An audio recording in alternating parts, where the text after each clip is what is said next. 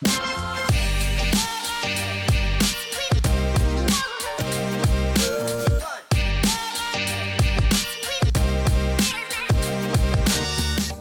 velkommen til BML-podkasten Fredriks Road to Valencia, episode 11. Det er et høyt tall eh, som vi kan være stolte av, Andreas. Hei til deg. Hei til deg. Ja, Det er artig at vi kom så langt. Trodde du det hele veien? Eh, nei, altså at, at vi nå er to uker igjen, er jo liksom Det er surrealistisk at man har eh, eh faktisk, jeg kan jo si så enkelt, laga elleve episoder. Men man har jo faktisk da trent nå i ti uker i et ganske bra og spennende eh, og til tider tøft program. Må jo si det er større prestasjon å trene de 10-11 ukene som du har gjort nå, enn å lage disse episodene. Det er det. Ja, det, jeg har jo aldri laga noen podkast i den uh, stilen som vi gjør nå, så det her jeg, jeg, må, jeg kan jo klappe meg sjøl litt igjen på skuldra, men uh, det, jeg er mer stolt av det det loggen sier på Garmin-klokka mi. men uh, uansett, det er veldig ja, For all del, vi er ikke ferdig med podkasten her ennå. Men uh, til nå så har det vært veldig motiverende å holde podkasten her. Men nå snakker jeg som at vi er ferdig. Vi er jo definitivt ikke ferdig. Vi har jo to hele uker igjen. To ganske viktige uker. Aller først, hvordan har din siste uke vært? Og du kan gjerne da tenke litt på hvordan de to neste ukene også skal være. Men aller først, ja. hvordan, har, hvordan, har, du hatt det? Jeg har hatt en uh, veldig fin uke, og det er jo en veldig spennende periode. Det er jo veldig mange med deg, Fredrik, som, uh, som er inne i en sånn tapering-periode. Og mm. da tenker jeg sånn at da kan det være fint å se på, på um, det som skjer utenom treninga, kan nok være vel så viktig som det som skjer på selve treninga. Og, og da fin, passer det fint med noen utenomsportslige høydepunkter. Så for min del, kanskje denne uka her, så vil jeg trekke fram Sondre Justad-konserten i Oslo Spektrum. Det var en, var en, helt fantastisk konsert. Helt spesiell sånn totalramme med eh, lys og, og, bildeshow. Og jeg, jeg, har veldig troa på det å få noen positive eh, opplevelser, sosial input, utenom treninga eh, i det daglige. Men det blir, om ikke viktigere i denne fasen, så, så Altså med to uker til maraton og en sånn tapering-periode, så blir det iallfall kanskje litt mer tid da, til å få prioritert det. Så mm, det kan være et tips til eh, folk i tilsvarende situasjon, at eh, man prioriterer nå én, kanskje to utenomsportslige eh, aktiviteter. Da. Eller noen samlinger med, med, venner eller familie som gir deg noe annet enn bare fysisk treningsutbytte. Et annet høydepunkt, må jeg si, ble veldig oppmerksom på viktigheten av det å sette seg mål. Jeg um, har et samarbeid med en fyr som heter Espen, og han skulle ha seg en langtur nå på søndag. Uh, lå og slumra på sofaen uh, under uh, håndballkampen av finalen med Norge der, og så sovna gang på gang. Sleit med å komme seg ut på langtur, og så endte han opp med å stikke av gårde på en to og en halv times langtur klokka 10.50 på søndagskvelden. Og det viser litt altså, viktigheten av det å sette seg et mål, og, og hvor enorm gjennomføringsevne man kan ha da, når man har det målet framfor seg. Så det var, det var artig, inspirerende å se. Da er dørstokkmila innmari lang. Ja, fytti. Det, ja, men det var det utrolig inspirerende å se. Og så må jeg selvfølgelig trekke fram uh, ukens høydepunkt. Uh, I denne settinga er jo også selvfølgelig å se din positive utvikling på treninga. Det, um, det er godt å se. Du blir stadig bedre. Det er ikke noe selvfølge at vi skal treffe med toppformen, men denne gangen så virker det som uh, vi kan få deg i stadig utvikling helt fram til startstreken. Det er jo veldig enkelt når man har en lang maratonspesifikk treningsperiode, at man eh, blir litt grådig sånn halvveis, ser fremgangen, og så piker du kanskje på formen tre-fire uker før løpet. Legger igjen den beste økta på trening. Men for din del nå virker som vi har hatt en fornuftig oppbygging, en fornuftig lengde på perioden og du gjør dine beste økter gang på gang. Så det er liksom stadig eh, forbedring. Så det ja, kan du kanskje Det er litt sånn kleint, det store spørsmålet. Hva føler du nå? Dere får eh, Når jeg skal ta den kortversjonen? Ja. Nei, eh, jeg kan jo ta det Uh, den spente Fredrik først, og så kan jeg heller ta den optimistiske på slutten. Uh, den spente er jo nå to uker før ekstremt paranoid når det kommer til uh, sjukdom. Jeg føler at det hagler rundt meg med folk som er forkjøla, korona, alt, liksom eh, Du leser og hører og møter eh, alt, alle sykdommer. I hvert fall man, man tenker det sjøl. Så eh, det hadde jo på en måte ikke passa noe dårligere fått det nå. Eh, nå trøster jeg på en måte meg litt på at jeg, jeg har jo vært litt forkjøla også i denne perioden. Så jeg tenker at eh, jeg, jeg hviler litt på at kanskje at jeg har eh, bygd opp litt immunforsvar. Så kanskje jeg har hatt min runde. Eh, og så Og så føler jeg på en måte eh, Hvis jeg skal på en måte gå litt over til det positive, da, så syns jeg det er innmari gøy å, å se at uh, Å faktisk se at øktene uh, går bedre.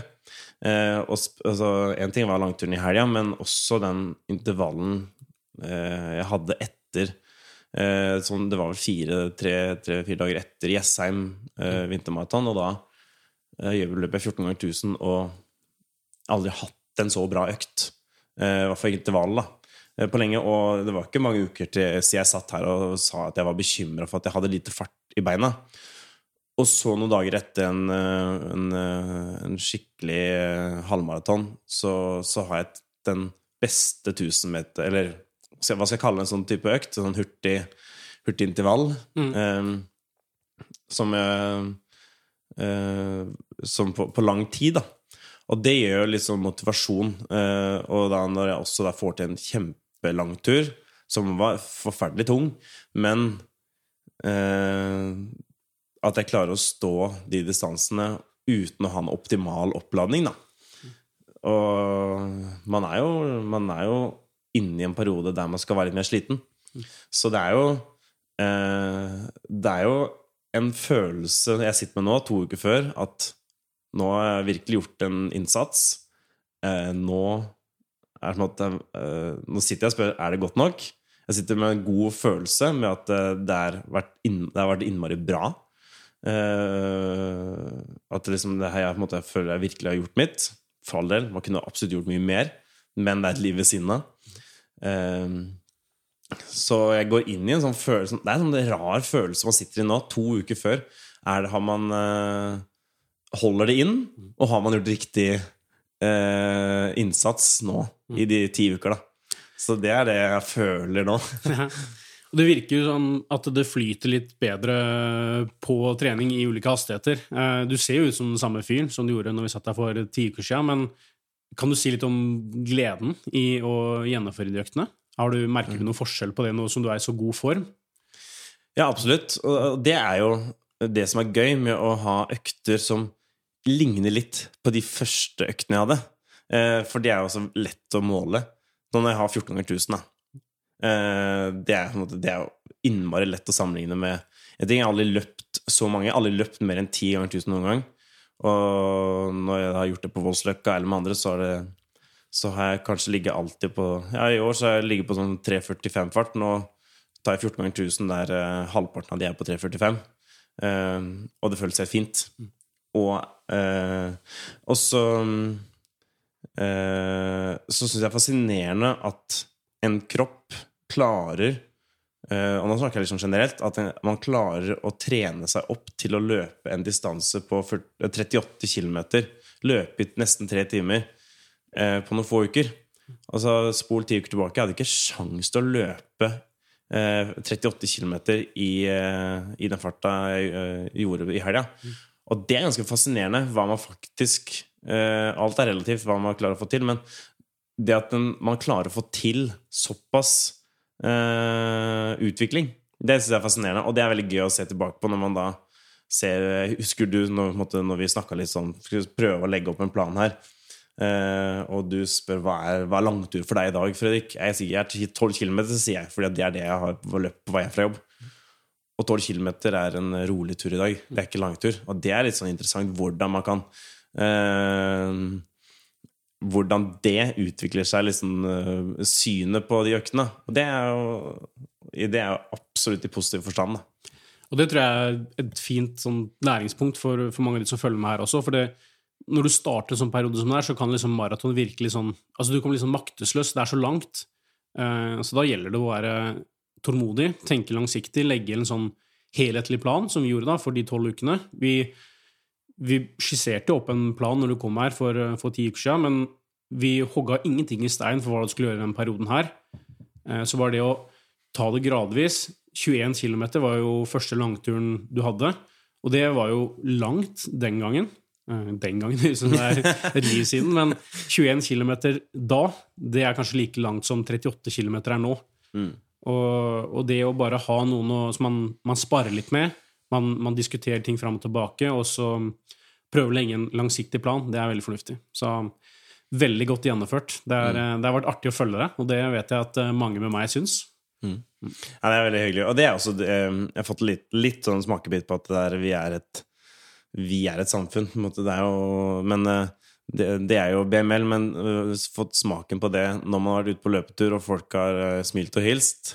Uh, og så når man har vært oppe på Jessheim og folk sier at de skal til Valencia og de har fulgt med, og det inspirerer, og det ser man også på innboksen, og det er jo veldig moro. Og det motiverer jo også til at man fortsatt gidder å ja, En ting er treninga, det er veldig motiverende for trening, men også at man gidder å gjøre det man gjør rundt BML. Da. Og det er veldig motiverende. Så det har vi lyst til å fortsette med også etter eh, Valencia. Så det, det er gøy å kjenne litt på at man, eh, at man er et fellesskap. Da. Bra. Mm. Eh, vi har vært litt inne på det, men kanskje vi skal hoppe litt inn i uka som har vært. Det var mye høydepunkter der òg, så jeg syns det høres fornuftig ut. Da gjør vi det.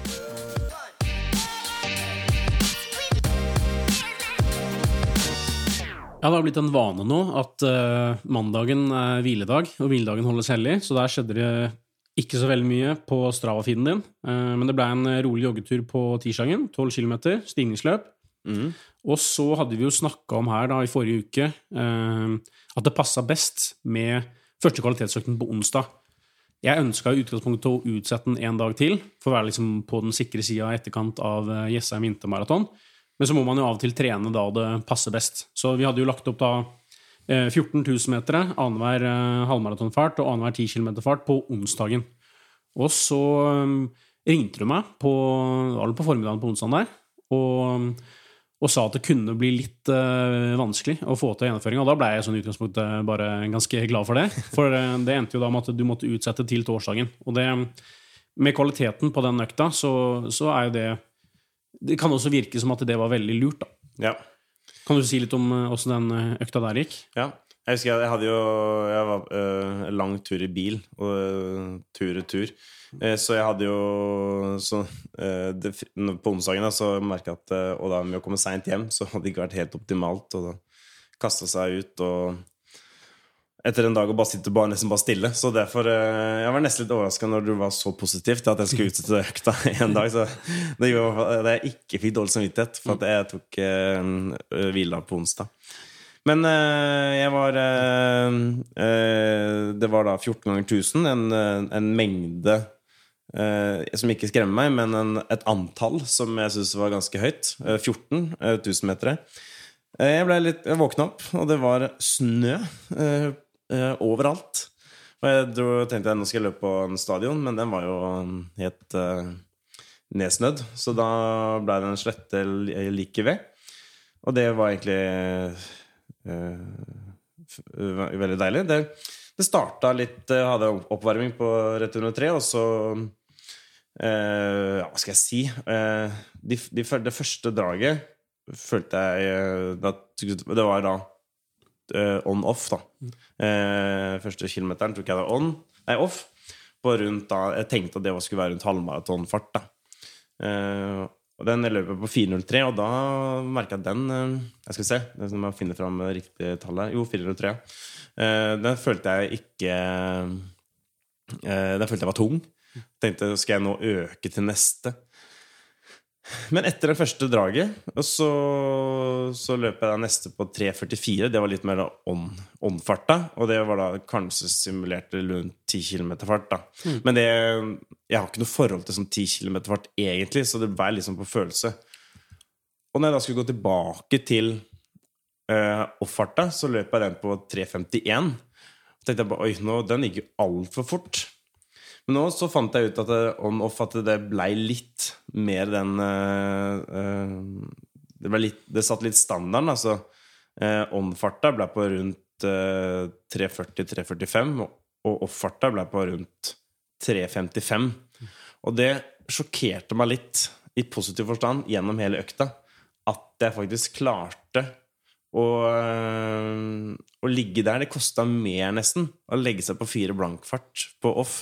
Fordi at det føltes ikke riktig. Så jeg var uh, veldig overraska at den økta gikk såpass bra, og at den uh,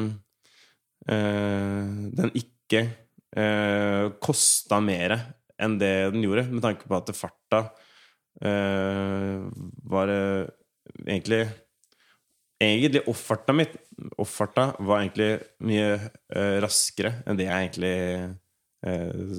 så for meg i forkant. da Så her, øh, her løper jeg bare på følelse den, øh, den økta her. Og, det, og i og med at det var litt øh, Det var litt sånn småglatt i tillegg, litt sånn lett vind, så jeg er innmari fornøyd med at jeg klarte å å, å gjennomføre den med den farta her. Ikke at det, man skal drive og måle ting liksom at, at det er noen fasit i farta, men jeg følte, jeg bare husker bare følelsen jeg hadde gjennom økta, at det, det føltes innmari bra.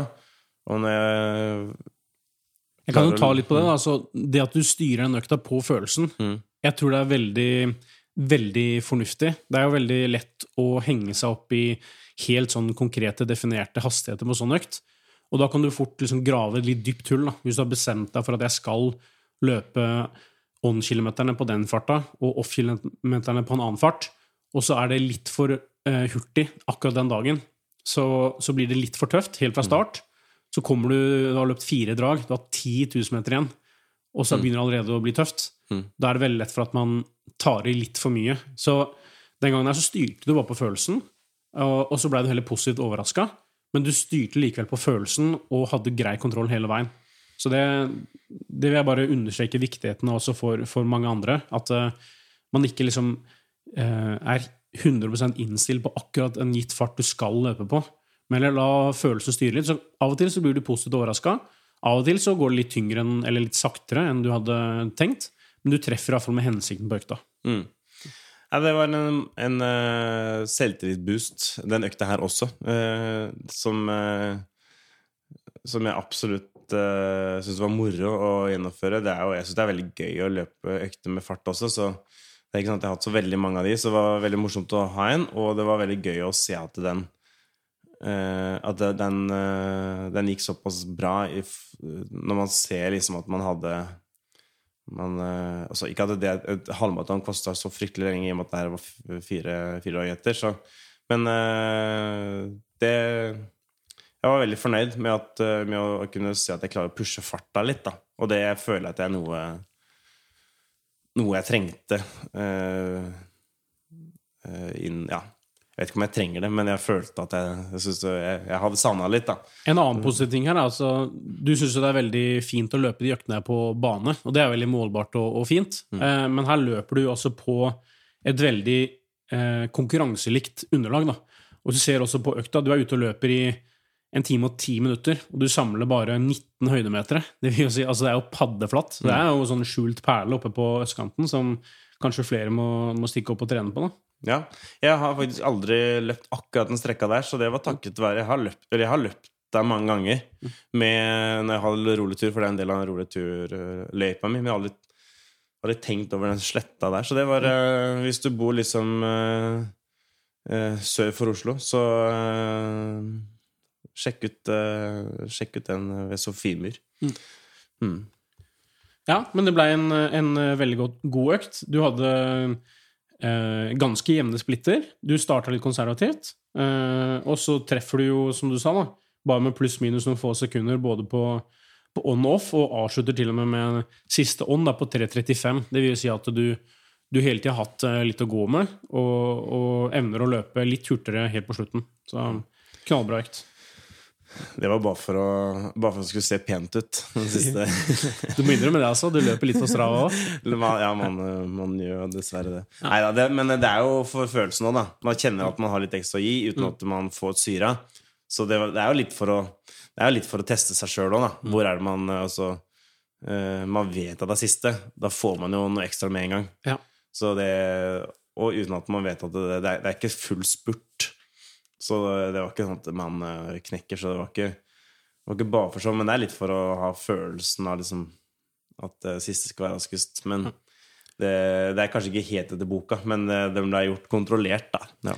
Og så er det en nyttig lærdom i det her, da. At eh, nå som du kjører et sånt system med to store økter i uka, så har man fleksibiliteten til å kunne flytte en økt eh, en dag hit og dit. Det er jo veldig fint for, for mannen i gata som har ganske mange andre eh, ting som skjer i hverdagen. Og, og hverdagen kan av og til være litt uforutsigbar, så det dukker opp eh, forskjellige ting. Eh, så det for din del nå Du var jo litt usikker når du ringte meg på onsdagen. sånn nå kommer den økta på torsdagen istedenfor, og det blir veldig tett på langturen. Eh, det, det jeg sa til deg da, var jo det at eh, det er ikke så farlig at den økta kommer litt tett på langturen. Det er farligere det her på en måte at en økt kommer rett i etterkant av langturen. Så du løper liksom en ny eh, hardøkt på tunge bein fra langturen. Så jeg er ikke så redd for på en måte det å ta hensyn inn mot langturen, men vi skal ta veldig hensyn i etterkant. Eh, også med tanke på at den langturen du nå skulle ha til helga, det skulle være en eh, progressiv variant, der liksom første halvdelen var veldig rolig, så var jeg liksom ikke så bekymra for det. Vi kan jo ta litt det, da. Da ble Ja. det jo, som sagt, da, torsdag-lørdag denne uka her. Eh, så bare rolig da rolig jogging fram til eh, Altså rolig jogg på fredagen, og så langtur da på lørdagen. Og det var jo da satt opp en progressiv langtur på 38 km, der du skulle øke litt og litt. Og så fra siste halvdel, da, siste 18 km, så skulle du simulere liksom maratonintensitet. Da. Og da Ja. fikk du med deg en uh, løpekompis også. Ja. Eh, Jeg fikk med meg Altså eh, jeg fikk- med meg Svein. Han, eh, vi løp sammen på Jessheim, og vi har eh, relativt likt eh, mål eh, nede i Valencia. Så vi eh, sto og pratet litt etter, eh, eh, etter målgang på, på Jessheim. Vi skravla litt og var, fikk debrifa Jessheim litt sammen, og det var jo veldig hyggelig. Og så eh, fant vi ut litt senere at vi skulle da løpe denne lørdagsturen sammen. Og det var jo veldig, veldig viktig, for for meg at man man blir opptatt fordi i og med at det skulle være en progressiv, så er man opptatt at man skal legge seg i tempo så man kanskje kan ligge og skravle litt i starten. Eh, Så var vi enige om at eh, siste, siste del som vi skal øke, så, så tar vi og løper med hvert vårt tempo. Så eh, siste, siste del så løper vi litt hver for oss, men eh, det var eh, veldig hyggelig og, og, og viktig for den langturen sin del at jeg løp den med Svein. Da. Så shout-out til deg, og lykke til med siste opp... En, en siste nedtrapping, heter det vel. Eh, Så når jeg planla den løypa her, eh, så la jeg en rundt, eh, rundt Ring 3. Eh, Strategisk for at det skulle være litt kupert, og at det skulle være et rolig plan. At det skulle være rolig tempo, da. Men eh, eh, Og så fra Du sa vel var det 18 og inn, var det det du sa? Da skulle jeg prøve å simulere litt mer maratontempo, da. Og ganske strategisk. Så da fra ca. 18 og inn så starta nedoverbakken fra Intility Arena og gjennom Helsfyr ned til, til gamlebyen og ut mot Mosseveien og tilbake. Så det, den var jo Så jeg fikk liksom medfart eh, ned til eh, det, det flatere omgivelser, da. Eh, det var det tanken var, da. Jeg vil jo si at det var eh, eh, Jeg sleit eh, fryktelig med liksom Jeg følte jeg hadde så stive bein.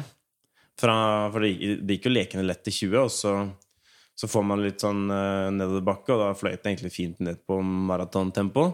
Selvfølgelig nedoverbakken, så, men så slet jeg litt grann med å opprettholde den farta. Fordi at jeg måtte jobbe følte jeg måtte jobbe for hvert, hvert steg, følte jeg nesten. Fordi at det var stive bein. Eh, og så eh, var det jo litt Det var jo ikke akkurat vindstille eh, den dagen her, så skjedde litt med vind. Så siste, siste tolv så var det liksom Det var veldig Det var forferdelig tungt, og jeg merka at den, det her jeg, fikk, jeg følte jeg rett og slett fikk smake på litt den maratonfølelsen. Og, og det er jo ikke rart. Jeg løper jo ute Økta varte jo to timer og 55 minutter. Som da er en respektabel maratontid. Eh, men også, man er ute i 38, og som også er en mengde jeg, jeg, har ikke, jeg har ikke løpt så langt på trening noen gang. Så det er ikke rart at man begynner å kjenne på det. Men, eh, så jeg begynte å kjenne på litt den der eh, følelsen av at uh, man løper litt på vilje, da. Uh, så det var en uh, det, Og det er jo ikke rart at man kanskje skal liksom være sliten når man når man er så seint i et maratonprogram og så nærme. Så det er jo riktig at man skal være litt mer sliten også. Men jeg følte at det var, det var, en, det var en, kamp å ligge oppe i den farta. Så ja, ut fra de følelsene jeg prøver å beskrive her nå, så jeg vet ikke om du har noen refleksjoner rundt, rundt det her, da. Det, rundt at det er det, det, var tung, det, var en tung, tur, i hvert fall siste, siste del, da. Mm. Ja, det jeg tenker på, er jo litt sånn man, I den perioden her så er man veldig opptatt av å se det signalet på hvor god man er. Man tre, eh, trener hele tida med et ønske om at det skal flyte godt, så du kan få selvtillit. Eh, inn mot da selve eksamen. Da. Men eh, det varierer jo ganske mye på trening, og noen dager så flyter det veldig lett, andre dager så går det veldig mye tyngre, og du blir da veldig usikker på, en måte på, på hvor du står hen. Eh, du kan gjøre en kjempegod økt på torsdag, så våkner du fredag, og så er det tungt å jogge. Og så tenker du bare sånn ah, 'Jeg har mista formen over natta'. Mm. Sånn er det jo ikke her. Så man må tenke liksom sånn helhetlig. Og det her er jo da selvfølgelig to dager etter at du har gjort en sinnssykt god økt. Så du går jo inn i økta med litt tyngre bein. Eh, noe jeg også sa til deg på forhånd, at det skal vi ikke være stressa for. Det mm. gjør ikke noe særlig å, å, møte opp her med litt tyngre bein. Det er altså på en måte bare god trening i det. da.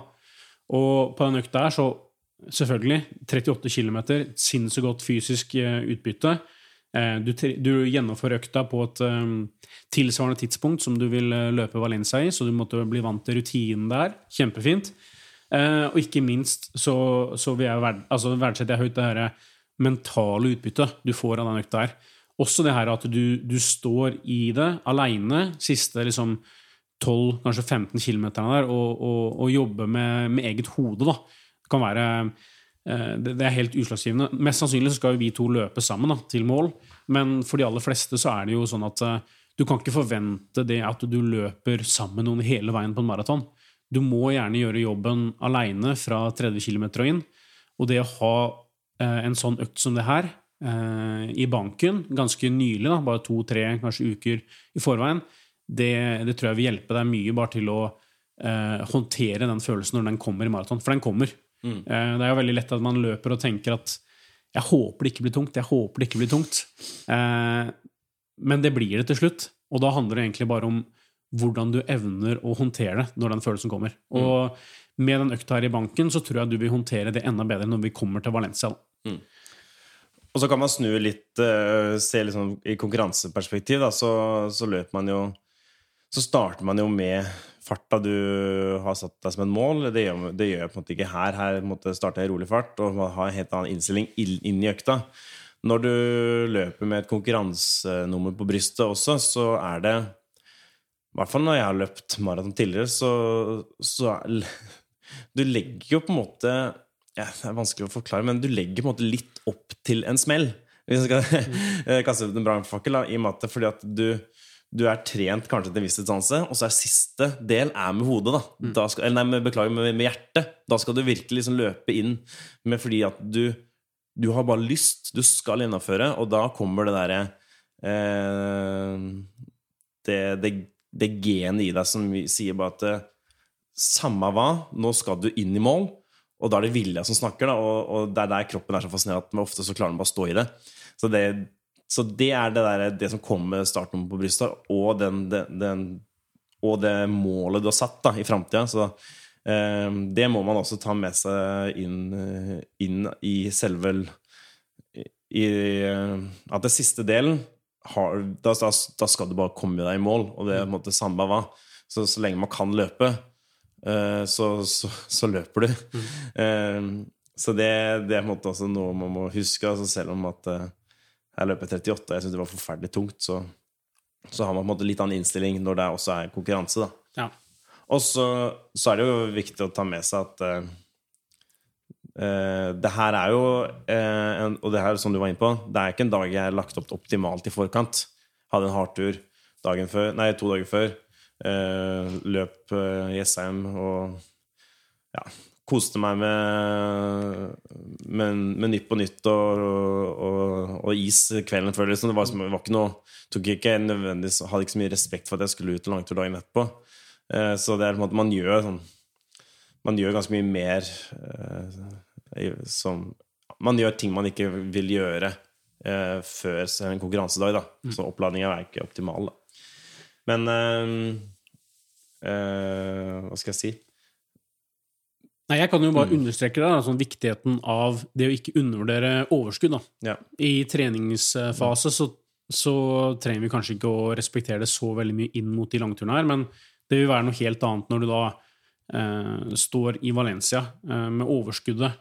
Så når du jobber på her siste si 12 km, så ligger du jo et sted mellom 4,20 og 4,30 fart, som for din del på en måte eh, det er jo en, et stykke bak måte, det som vil være målfart da, på maraton om mm. to uker. Og, mange blir jo da veldig sånn usikre, man mister litt selvtillit. Fytti, skal jeg klare å løpe 42 km ganske mye raskere enn det her, bare om to uker? Eh, men ikke undervurder eh, verdien i overskudd. Eh, det virker som vi treffer veldig bra på, på formen nå. Du er i stadig fremgang. Og plutselig, når du står der med overskudd i Valencia, så, så flyter det enda lettere på en vesentlig høyere fart enn det her. Mm. Så veldig bra gjennomført eh, treningsuke. Og, og, ikke minst veldig mye positivt mentalt utbytte, tror jeg, på mm. den uh, langturen her. Jeg kan legge til ting, da. Fordi jeg husker for tre år siden, det var mitt uh, siste, uh, siste gang jeg løp en maraton. Da hadde jeg en, en langtur to uker før. Og den husker jeg gikk så dårlig. Jeg bare var så skuffa over meg sjøl. Fredrik, den, den farta her, den, den, skal jo du lett Jeg tror det var Jeg husker ikke, det var du som la økta, men jeg tror det var sånn 10 km on Eller er motsatt. En 10 km off, og så en 10 km on igjen, da. Men, eh, og det Jeg husker det gikk så dårlig. Og måte, jeg var skuffa. Den farta her, her skal jo du klare å løpe i, i 42 km. Nå klarer du så vidt å løpe den i 10. Og det var Eh, jeg ble så, sånn, ble så usikker ut av økta. Men det er litt sånn Det er to uker før du skal løpe konkurranse.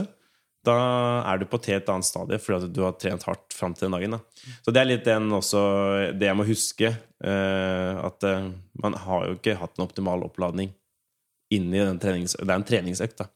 Så, og det skal være litt sånn nå to uker før. Man skal være man skal ha gode økter, men man skal ikke ha sine beste økter heller. Da.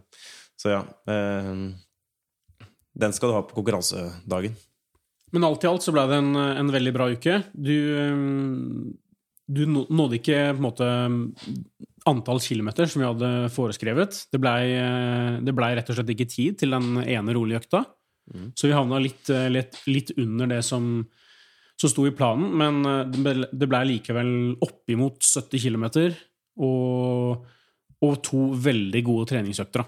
Mm. Så en bra treningsuke. Ja, og nå sitter jeg her eh, ganske fresh i beina, så jeg er klar for en ny uke. Men aller først kan vi ta noen spørsmål.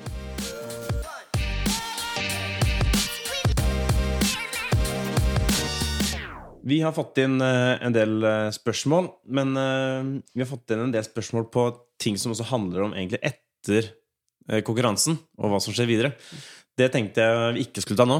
Så vi heller plukka ut to spørsmål som, handler, som, er litt mer eh, Som passer seg litt mer der vi er nå, da. Så vi har fått inn et spørsmål fra Lise på, på Instagram. Uh, hun sier Jeg har ikke bestemt meg for væske og næring underveis på maraton. Holder det, holder det med det som er på drikkestasjonene, eller skal jeg ta med noe selv? Ja, jeg vet ikke om hun mener uh, om hun skal løpe Valencia, men vi Vet ikke om du har gjort deg noen tanker rundt det? Altså, Der gjelder det å gå for det du er komfortabel med. Uh, første gang jeg løp maraton, det var i Oslo. Da stoppa jeg på hver eneste drikkestasjon og spiste banan og drakk sportsdrikke. Og, og det funka helt optimalt for min del. Uh, følte egentlig jeg kom til mål med overskudd. um, men i senere år så har jeg blitt mer og mer vant til å basere det på gels. Så da tar jeg med med gels, og så heller spe på med kanskje litt uh, vann der jeg får det, da, på drikkestasjonene. Uh, men her handler det egentlig om å ta hensyn til hva man tåler. Veldig mange blir jo enten kvalme av uh, veldig søt sportsdrikke eller av, de gelsene. Så finn noe som du ikke blir kvalm av. Noe som du rett og slett bare klarer å få i deg. Og eh, hvis, hvis, du ikke har noe problem med det, så er det jo veldig praktisk da, å, å basere seg på det som kommer på drikkestasjonene. Så det er jo i Valencia, eller de, største, altså de fleste maratonene, så er det jo gjerne drikkestasjoner på hver 50 km. Nå som jeg var i Chicago, så var det jo faktisk på hver mile. Altså da er det jo Det er så mange drikkestasjoner at du, du vil på en måte aldri eh, gå tom hvis du evner liksom å stikke innom der og ta deg noe. Um, så eh, gjør litt research på, på hva, som, eh, hva, som, serveres. Uh, er, det drikke, altså er det en sportsdrikke som du aldri har prøvd før, så kan det være nyttig å prøve det i forkant. Er du veldig, altså du har ikke noe problem med å ta litt forskjellige sportsdrikker, sånn, så, så, gå for det. Og du, du, har vel sett litt på hva de serverer i, Valencia? Fredrik? Ja, der, der å drikke så er det Powerade, vet jeg. Eh, når det kommer til gels, så er det Enervitt, tror jeg. Det, ellers var det Maxim. Jeg husker ikke helt i farta. Der. Men jeg skal ikke ta gels. Jeg skal ta drikke, tenkte jeg, fra de drikkestasjonene. Og det, derfor har jeg brukt ganske mye Powerade underveis uh, i treninga mi. Så jeg er ganske Så, så jeg er litt rusta for det. For planen, da, og det jeg har gjort tidligere, er jo at jeg har med meg kanskje fire, fire gels. Uh, og de tar jeg da i tillegg til drikke på stasjonene. Uh, og det da, da Og nå skal jeg være litt materialistisk av meg, men et tips er på en måte Det, det kjipe er jo da å ha mye greier som bare henger rundt seg. Så prøv å stikke innom, innom et sportsbutikk og kjøp deg et belte som du kan ha gelsen i. Som du vet liksom fungerer bra. Du kan måte som, som, gjør at det, så det sitter godt på kroppen. Da. Fordi når man skal løpe ut så lenge, og det skal henge på uh, henge på kroppen, så er det viktig at det, liksom, det, sitter bra. Og ikke det her liksom er noe som henger Så du ikke bruker energi på at det skal dingle rundt. Uh, så prøv å tenke på at du skal, hvis du skal ha, ha, det med deg, så få deg en ordentlig, ordentlig drikkebelte. Da. Hvis ikke man har folk til å ha Hvis ikke noen kan gi det til underveis i løypa eller sånt, da. Uh, så er det på prøv å finne et drikkebelte som Nei, ikke drikkebelte, men et sånt belte som kan som kan holde disse gelsene bra da, inntil kroppen. Eller teip. Ja, Finn på en løsning der, så, du, så, ikke det skal ta noe energi og på en måte krefter på å drive og holde på med det der. Mm. Fordi Det er derfor det er så veldig praktisk med de drikkestasjonene, at du bare kan hente det der. Men eh, for min del så, så, vil jeg helst bare vite at eh, jeg har fire gels med meg, og de er, de er mine. Mm. Og, så de vet jeg at de kan jeg ta når, ta liksom når det passer meg, og gjerne kanskje da før litt før en drikkestasjon, så jeg kan ta gelsen og så kanskje skylle ned med noe, uh, noe energidrikke eller et eller annet. da. Ja, Hvis du baserer deg da på drikkestasjonen, så er det veldig sånn Altså det er eh, strategisk lagt opp, så da kan du på en måte bare enkelt og greit ta mat når du får det. Men hvis du baserer deg på, på eget inntak og det du har med deg sjøl, så, så, kan du gjerne time det sånn at du tar inn cirka da, ved drikkestasjonene.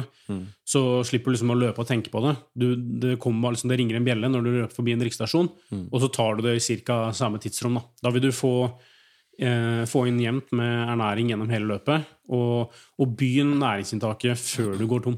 Mm. Hvis du begynner å bli tørst eller begynner å bli sulten, så er det kanskje for seint. Så start før du liksom kjenner på de følelsene. Ja. Og så jeg komme med et uh, kjerringråd. Og det kommer sikkert fra i det lange løp. fra utgangspunktet. Men når du, er det drikkestasjoner som man får utdelt kopper, så er det ganske klin umulig å få løpe og få disse. Det man anbefaler å gjøre, du tar imot koppen med to hender. Og så tar du og, hvis det er pappkopp, da, klyper du igjen overdelen. Så, den så, så knyttneven din bare holder igjen toppen av lokket. da og så lager du en liten sånn Så det blir en liten sånn lite hull bare på én bare sånn så du får sånn trakt. da Så, så du får jo, gjør om denne pappkoppen til en, til en flaske da med en liten tut på tuppen. Og da kan man da løpe med den koppen ganske lenge og bare få litt og litt i seg. Uten å måtte stoppe opp. da Så øh, prøv å Hvis man har mulighetene, prøv å bare klype igjen overdelen, så den, den liksom, så det ikke skvolper ut. Og, og så da får man ut litt og litt, da et lite kjerringråd der som jeg ikke husker helt hvor jeg fikk, uh, hvor jeg fikk fram. Men det har i hvert fall funka bra for meg, da. Mm. Ja. Eh, ta ett spørsmål til fra André på Instagram. Eh, han lurer på konkurransesko på intervaller, ja eller nei? Bruker man f.eks. Vaporfly på kvalitetsøkter for å simulere best mulig? Eller bruker man mengdesko på all trening for å få en boost i konkurranse når man drar på seg superskoa? Mellomting? Ja, ja. akkurat når det gjelder eh, løpesko på trening og konkurranse, så er det flere ting eh, jeg syns du burde tenke på. Um, for de fleste konkurransesko har jo ganske begrensa holdbarhet. Så selv om yttersålen og overdelen er like fin, så blir skummet da, i mellomsålen det blir ganske raskt eh, mye dødere. Ikke samme responsen. Så skal du konkurrere i skoa og ha ambisjoner om å ta ut makspotensialet, så vil jeg anbefale deg å ha et ferskt par med konkurransesko. Om du har ressurser til å skaffe deg flere konkurransesko, så syns jeg absolutt du skal unne deg da, å ha et bra par på trening, eh, og et da som du sparer fram til konkurransen. Eh, det er flere fordeler med det. Eh, du vil jo da kunne gjøre treningsøktene mer konkurranselike, i form av at du løper, altså du får lik løpsfølelse, og du kan trene i relevant fart og intensitet. En annen ting er at eh, superskoa gir um, De gjør treningsbelastninga mer fordøyelig, da, kan du si. Eh, du kan løpe eh, mer eller hardere uten å øke belastninga nevneverdig. Og så nevner han jo også selvfølgelig en mellomting, og sånn er det nesten med alt. Alt er relativt. Um, så jeg syns han skal ha variasjon i alt han gjør på trening. Eh, ikke bare med intensitet, lengde på økter og type terreng, men også skovalg. Så bruk gjerne noen skånsomme mengdetreningssko, som man gjerne kaller det. Eh, også sko uten karbonsåle, for å få en litt annen belastning. Vi kan jo oppsummere litt sånn at eh, når han bestemmer seg for hvilke sko han skal bruke, og til hvilke økter, så blant han ta hensyn til, eh, hensyn til hensikten med økta, eh, løpsfølelsen. Altså løpsfølelsen, da tenker jeg altså liksom eh, Gå for en sko som føles bra for deg, ikke en, en sko som eh, en venn av deg anbefaler, men en sko som føles god på, på din fot. Eh, en tredje ting er på en måte skaderisiko, skadehistorikk. Ikke velg en sko som en annen anbefaler ut, altså, øh, liksom, uansett. Altså, det kan være at du har en annen type fot, du har en annen type skadehistorikk, så ta hensyn til det også. Og en siste ting er selvfølgelig da skoens holdbarhet. Så har du muligheten, øh, ha gjerne en god konkurransesko på trening, øh, men jeg vil anbefale å, å spare liksom til selve konkurransen, om du har muligheten til det. Det jeg har gjort, og det er, det er bare ikke kanskje jeg Jo, litt bevisst, men eh, ikke at det er kanskje helt riktig. Det vet jeg ikke. Men jeg har hatt eh, egentlig to typer eh, sko som jeg har brukt variert mellom på de to øktene. I midtuke så har det jo vært, kanskje vært en økt med litt mer fart i. Og da har jeg dratt fram noen, noen Vaporfly-sko som, som har absolutt gjort sin innsats. Men den, de, de har Det er karbon, og de, de fungerer fint i trening fortsatt. Og det er brukt på, jeg på 1000-meteren i helga. Nei, øh, på onsdagen. Det er torsdagen. Uh, og langturene så har jeg også da har jeg egentlig bevisst valgt sko uten karbon. Nesten. Uh, og det er jo kanskje for at uh, Ja, litt bevisst for at beina kanskje skal bli litt mer banka. Og at eh, det er litt en ekstra boost, som, eh, som du sier her, André, når man da får liksom eh, Når man får på konkurranseskoa med karbon, så den eh, Det er jo en eh, Neste uke, så Eller denne uka her, så vi skal gå inn på neste ukes program nå snart, så da kan det at jeg skal dra på meg eh, noen finere, flottere sko på en av øktene for å liksom få testa litt ut konkurranseskoa. Men jeg har bevisst valgt å ikke løpe med karbon uh, på ganske mange økter for å banke beina litt mer. Og jeg løper ikke med karbon på langturen i helga eller på Jessheim. Apropos da de fineste danseskoa, Fredrik, skal vi se på denne ukas eh, trening. Det kommer et par muligheter her for å kle på seg de. Ja, da dobbeltklikker vi på PDF-en som står uke 11 på, faktisk.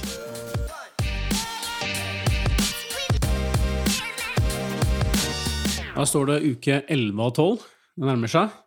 Bare én nellikspiker igjen i appelsinen. Eh, og da ble det jo eh, igjen fridag mandagen. Eh, og denne uka her så kutter vi litt ned da, på mengden, så er vi inne i tapering-periode. Så bare sånn én ting vi har gjort her, da, er jo alle, eller begge rolige øktene på 12 km kutter vi ned til 10. Så det er ikke noe sånn drastisk der, men lite grann. En annen ting er at vi har ingen lang langtur. Men vi har en eh, Vi kan kalle det en halvlang langtur, da. Som blir da ukens første økt, som er da onsdagen. Så det blir jo da elleve dager før maraton. Så har jeg lagt opp en 18 km, eh, kan du kalle det en progressiv hurtig langtur, der du løper lett progressivt første fem kilometerne.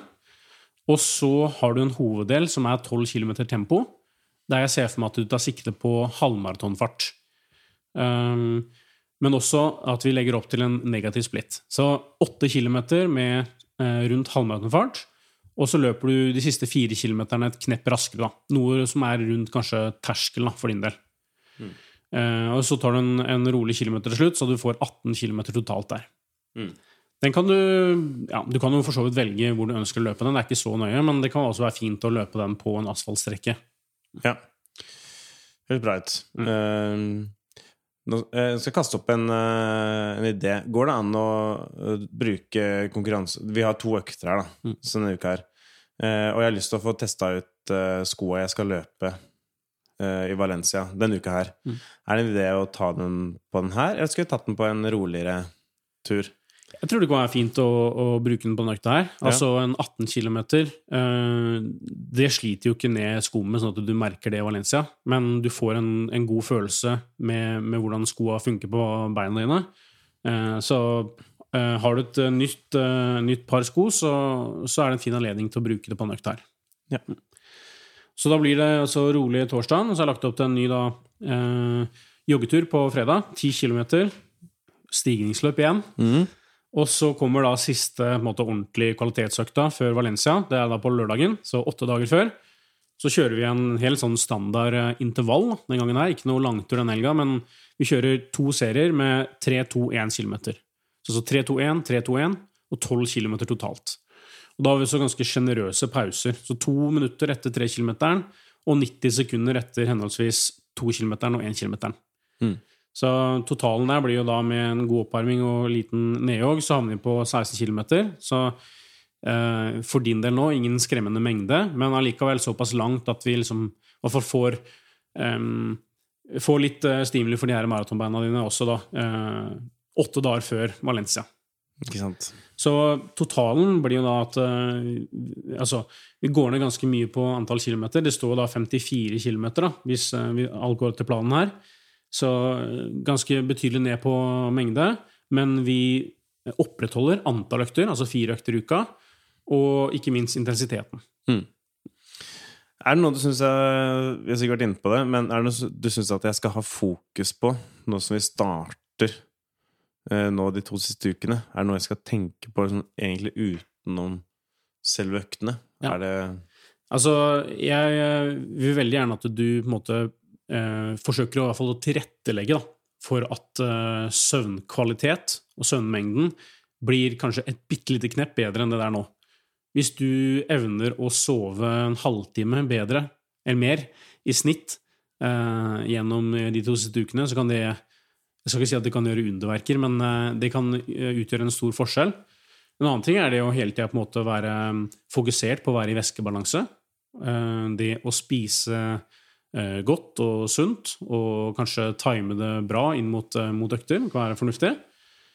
Og så litt tilbake til det jeg nevnte som introduksjonen i episoden. er da bare det å tilrettelegge kanskje for noen eh, sosiale ting da, som gir deg, gir deg, noen fine opplevelser ellers i hverdagen. Jeg tror ikke man skal under, undervurdere viktigheten av det også en periode her. Om det er da å se en artig serie eller film sammen med kona, eller om det er å dra på en konsert, eller Eh, om det er en spillkveld eller et eller annet sånt. Bare det som gir deg noe, eh, noe positivt utenom treninga, det tror jeg virkelig på kan, kan eh, heve overskuddet og liksom positive liksom, følelsen du har i, i hverdagen. Da. Så jeg kan godt tenke, tenke, litt sånn herfra inn Du er på en måte nesten ferdigtrent. Herfra inn så handler det på en måte bare om å vedlikeholde litt, opprettholde liksom litt på intensitet og antall økter. Men du blir først og fremst bedre av å samle overskudd og få litt spenning i muskulaturen. Også det her med å være litt sånn i angrepsposisjon og få litt sånn positiv vibe inn, i, eh, inn mot eh, Valencia. Så bra. Da ser det ut som vi havner på rundt 54 da i uke 11. Og da tenker jeg at vi eh, kan runde av eh, denne episoden. Vi, eh, vi laster nå opp eh, ukas økt på Patrion. Og eh, takker gjerne for eh, tilbakemeldinger vi får inn, inn der og på Instagram. Yes, Det er bare å, å komme seg inn på Patron for å, å finne din treningsplan, men ikke minst eh, også veldig mye annet snacks. da. Sindre og Kristian lager jo en ukentlig livepodkast på søndagene. og Den blir alltid lagt ut da enten sent søndag kveld eller, eller mandag morgen. Så der er det jo et uh, rikholdig arkiv med, med podkaster fra de siste åra. Uh, det er også ganske mye annet snacks der. Uh, videoer og, og treningsplaner og ja, stort sett inspirasjon da, for folk som er interessert i løping. Så dere finner, eh, dere finner vår Patron-kanal i, i våre sosiale medier. Da. Så er det egentlig bare å si takk for, takk for denne, denne uka og denne gang. Så ses vi igjen om en uke.